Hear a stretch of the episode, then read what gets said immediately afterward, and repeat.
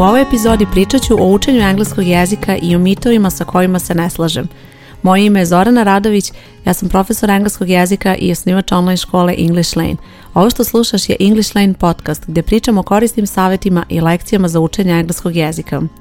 Sada slušaš epizodu broj 124 i u ovoj epizodi pričat ću o učenju engleskog jezika i o mitovima koji kruže kada je u pitanju učenja engleskog jezika, koji nisu baš sasvim takvi i vidjet ćeš, verovatno ćeš prepoznati neke od ovih izjava i vidjet ćeš da li se ti sa tim slažeš ili ne. Prvi mit je nauči engleski za mjesec dana. Verovatno si do sada viđala neke programe koji ti omogućavaju da naučiš engleski jezik za mesec dana. Obično su to intenzivni programi i omogućavaju ti navodno da naučiš engleski u tako nekom kratkom roku i naravno to zvuči idealno, posebno ako znaš da će ti engleski trebati baš za mesec, dva i je super da naučiš to, ali imaju u vidu da naučiti engleski za mesec dana nije moguće Jednostavno, proces učenja engleskog jezika traje mjesecima i godinama zapravo i nije moguće za mjesec dana naučiti engleski. Moguće je učiti engleski mjesec dana, moguće je učiti puno engleskog za mjesec dana i naučiti puno toga, ali nije moguće naučiti engleski i govoriti engleski odmah posle mjesec dana potpuno onako sa sigurnošću jer da je tako prosto sve bi izgledalo mnogo drugačije i bilo bi mnogo jednostavnije, ali nije. Imaju u vidu da ako postoji program koji ti omogućava da učiš engleski mjesec dana ili dva ili tri mjeseca, to je program koji ti omogućava da naučiš nešto u tom određenom periodu i super je ako ti možeš da ispratiš taj program i ako možeš da učiš u tom periodu, ali imaju u vidu da ako stvarno želiš da naučiš engleski jezik i ako stvarno želiš da budeš sigurna u konverzaciji i da možeš za sebe da kažeš da umeš i da znaš sa sigurnošću da govoriš engleski jezik, Biće ti potrebno više vremena od toga, čak i ako prođeš kroz taj program, morat ćeš da nastaviš da vežbaš engleski, morat ćeš da koristiš engleski redovno da bi uspjela da održiš taj nivo koji si stekla, odnosno koji si naučila na tom programu koji si pohađala. Da ne bi poverovala u ovaj mit, uvijek je bitno da budeš realna kada su u pitanju tvoje mogućnosti i šta možeš da uradiš za mjesec dana. Iako za mjesec dana ti možeš u teoriji da prođeš jedan ceo nivo, pa možda čak i dva, možeš da pročitaš cijelu gramatiku engleskog jezika, ali to ne znači da ćeš ti to sve naučiti, da ćeš to znati da upotrebiš. Nije problem samo preći, odnosno naučiti i pročitati neke lekcije, već zaista to provežbati i steći tu sigurnost koja je neophodna za konverzaciju bez obzira da li si početnik ili si na nekom naprednijem nivou, imaju u vidu da za mjesec dana ti moraš da učiš, ali moraš i toliko da vežbaš, ako ne i više. Zapravo mnogo više vremena ćeš provesti u vežbanju nego što ćeš čitati lekcije, jer to je ono što je tebi potrebno vežba, znači radit ćeš vežbanja, zadatke, pričat ćeš na engleskom, pisat ćeš na engleskom, čitat ćeš na engleskom, sve je to ono što je tebi potrebno da stekneš tu sigurnost koja ti je neophodna. Jer pročitati i razumjeti razumeti lekciju je jedno i to je nešto što ćeš vrlo brzo uspjeti da ostvariš, ali imaju u vidu da za dve, tri nedelje kada bude bilo potrebno da upotrebiš tu lekciju u konverzaciji i ako to ne možeš da uradiš, to će ti odmah biti znak da to nije dovoljno samo pročitati, razumeti i proći tu lekciju, već je bitno vežbati i konstantno se vraćati i to je ono što zapravo oduzima najviše vremena kada učiš engleski jezik. Bez obzira na kom si trenutno nivou, posebno zapravo ako si početnik, ako tek počinješ da učiš engleski jezik,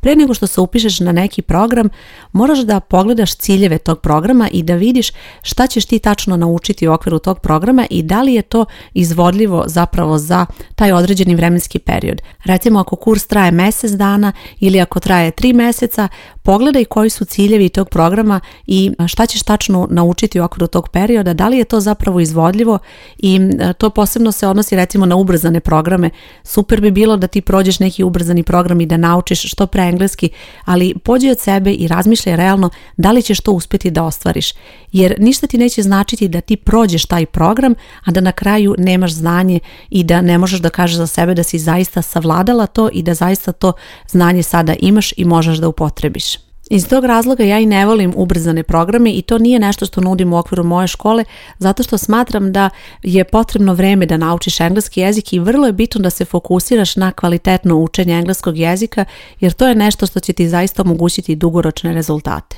Dolazimo do mita broj 2, a to je učenje engleskog isključivo kroz konverzaciju. Fokus je na razgovoru i ideje je da ti kroz taj razgovor naučiš engleski jezik. Taj način učenja koji je tako intuitivan jednostavno ima prednosti naravno, ali nije dovoljan da uspešno naučiš engleski jezik jer je tebi vrlo bitno, posebno ako počinješ sa učenjem engleskog jezika ili ako si već počinjala malo pa prosto još uvijek si na nekom nižem nivou, vrlo je bitno da učiš nove reči, da učiš pravila pre svega gramatička jer to je nešto što će tebi omogućiti da ti stekneš tu sigurnost u konverzaciji. Zamisli samo ako si ti na početnom nivou nivou ili recimo na, čak na dva nivou gde ti čak i možeš da komuniciraš, umeš da sklopiš neke rečenice, ali zamisli kako bi tebi bilo da u tom trenutku učestvuješ u razgovoru koji je kompletno na engleskom i očekuješ da kroz takav razgovor naučiš sve što ti je potrebno da dalje napreduješ. To jednostavno nije moguće i zato iako je konverzacija bitna tebi kao vežba, sama po sebi nije dovoljna da naučiš engleski jezik. Zato smatram da je ovo mit jer nije dovoljno samo eto pojaviti se na času i pohvatati onako kako se šta priča i kako se šta kaže jer je bitna ta organizacija, bitna su pravila, bitno je da razumeš ono što učiš i zapravo da učiš na kvalitetan način jer to je ono što će tebi omogućiti da ti zaista napreduješ i da zaista uspešno učiš. Jer da je tako da je moguće naučiti engleski jezik samo tako što ćeš pričati, svako ko ode u zemlju gdje se govori engleski jezik bi već govorio engleski tečno, a tu dolazimo i do trećeg mita, a to je da učenje engleskog je moguće samo ako živiš u zemlji gdje se govori engleski jezik.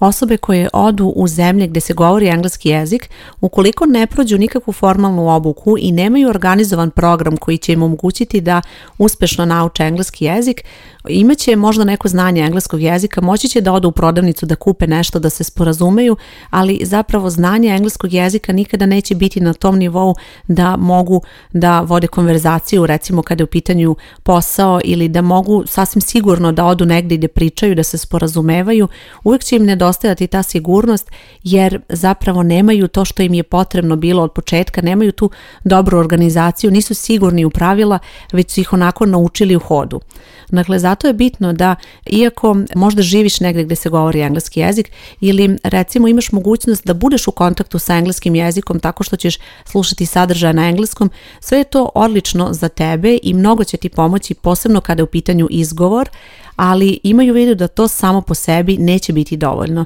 jer nije dovoljno da uključiš televizor i da recimo ceo dan slušaš program na engleskom jeziku, nećeš naučiti dovoljno engleski jezik da bi ti mogla da se sporazumeš, a to zapravo jeste cilj da ti komuniciraš. Možda ćeš vremenom i naravno naučit ćeš vremenom neke reči, izraze, zaključit ćeš njihovo značenje, naučit ćeš i ti da ih ponoviš, ali da imaš kompletnu sliku, da uspeš ti da govoriš engleski, da i razumeš i da umeš da odgovoriš, potrebno je ipak da se fokusiraš malo i na pravila i da prosto imaš neki program koji ćeš pohađati, koji ćeš pratiti, koji će ti omogućiti da sve to uklopiš u jednu odličnu celinu. Jer zapamti poenta, odnosno tvoj cilj učenja engleskog jezika nije samo da se bilo kako sporazumeš, već želiš da naučiš da pričaš engleski pravilno i da onda imaš potpunu sigurnost kada treba da komuniciraš na engleskom. I dolazimo do posljednjeg četvrtog mita kada je u pitanju učenja engleskog jezika, a to je imam suviše godina za učenje engleskog jezika. Ovaj mit mi je posebno omiljen zato što sam bezbroj puta dokazala da zapravo uopšte nije tačan, jer bez obzira koliko godina imaš, ukoliko nešto želiš da ostvariš za sebe, moći ćeš to da uradiš i isto je kada u pitanju učenja engleskog jezika povremeno dobijem mail od osobe koja želi da uči engleski u mojoj školi i prva rečenica bude imam toliko i toliko godina i već tu osoba meni sugeriše da možda neće moći da nauči ipak engleski zbog svojih godina, ali me pita prosto da li će to biti moguće. Ono što prvo pomislim je opet ovaj mit i opet osoba misli da zbog godina neće uspjeti da nauči engleski jezik, a dokazala sam već suprotno i znam da to nije tako, znam da godine ne utiču na to da li ćeš uspjeti da naučiš engleski jezik, već je isključivo isključivo tvoja motivacija, odnosno tvoja želja da naučiš engleski jezik. Bez obzira koje ti motive imaš i naravno u različitim godinama i u različitim životnim dobima imaćeš različite motive da naučiš engleski jezik, ali ukoliko ti to želiš da ostvariš, to ćeš moći bez obzira na godine. Ono što sam primetila kod starijih polaznica, odnosno onih sa malo više godina, je da imaju mnogo više strpljenja u odnosu na one mlađe sa malo manje godina i to je nešto što im donosi zapravo veliku prednost kada je u pitanju učenja engleskog jezika.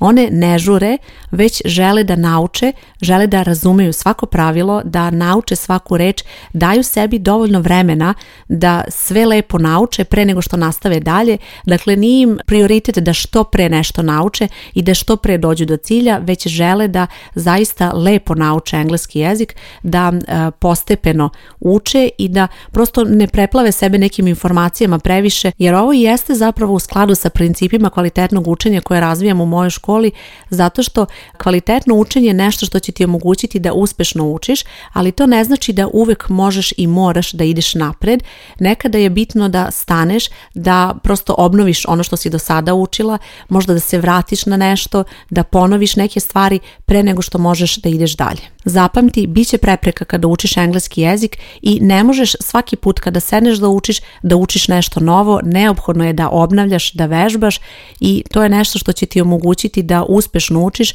opet bez obzira na godine, samo je bitno da imaš strpljenja da to i ostvariš. Polaznici u mojoj školi znaju da ovaj mit apsolutno nije tačan i one su same meni inspiracija kada vidim koliko se posvećuju učenju engleskog jezika i koliko dobre rezultate ostvaruju bez obzira na godine i ne samo godine, bez obzira na obaveze koje imaju, na izazove koji ih susreću na tom putu. Jednostavno kad vidim ja tu istrajnost i tu posvećenost, shvatam koliko je zapravo to bitno bez obzira da li u pitanju učenja engleskog jezika ili nešto drugo, ukoliko želiš da ostvariš to, to je nešto što će ti omogućiti ta tvoja želja da napreduješ i da se dalje usavršavaš. Da se vratim još jednom na sva četiri mita, prvi je da naučiš engleski za mjesec dana, to nije moguće, jednostavno moraš da vežbaš i vežbaš jer to je nešto što će ti biti potrebno da naučiš engleski jezik i to nećeš moći da ostvariš sve za mjesec dana. Druga ideja da možeš učiti engleski i samo isključivo kroz konverzaciju opet nije dobra jer nećeš imati pravila koja su ti neophodna da razumeš ono što učiš. Treći mit je da je boravak u zemlji gdje se govori engleski jezik neophodan da naučiš engleski jezik, što opet nije tačno i nije jedini uslov da naučiš engleski jezik, može ti pomoći, ali nije sve što ti je potrebno. I dolazimo do četvrtog mita da ukoliko imaš puno godina ne možeš naučiti engleski jezik, što apsolutno nije tačno i nešto što sam dokazala više puta u okviru moje škole u radu sa polaznicama, jer zapamti da ukoliko želiš da učiš engleski jezik i da se tome ozbiljno posvetiš, to je nešto što će ti omogućiti da uspešno učiš i to nema veze sa godinama. Škola koju pominjem se zove English Lane i u pitanju je online škola za učenje engleskog jezika. Ukoliko nisi polaznica, a želiš da se posvetiš učenju engleskog jezika, želiš da se fokusiraš na principe kvalitetnog učenja i da se zaista posvetiš tome da učiš engleski dugoročno, pogledaj na ovoj stranici kako možeš da nam se priključiš. Hvala ti što slušaš podcast. Moje ime je Zorana Radović i čujemo se uskoro. Ćao!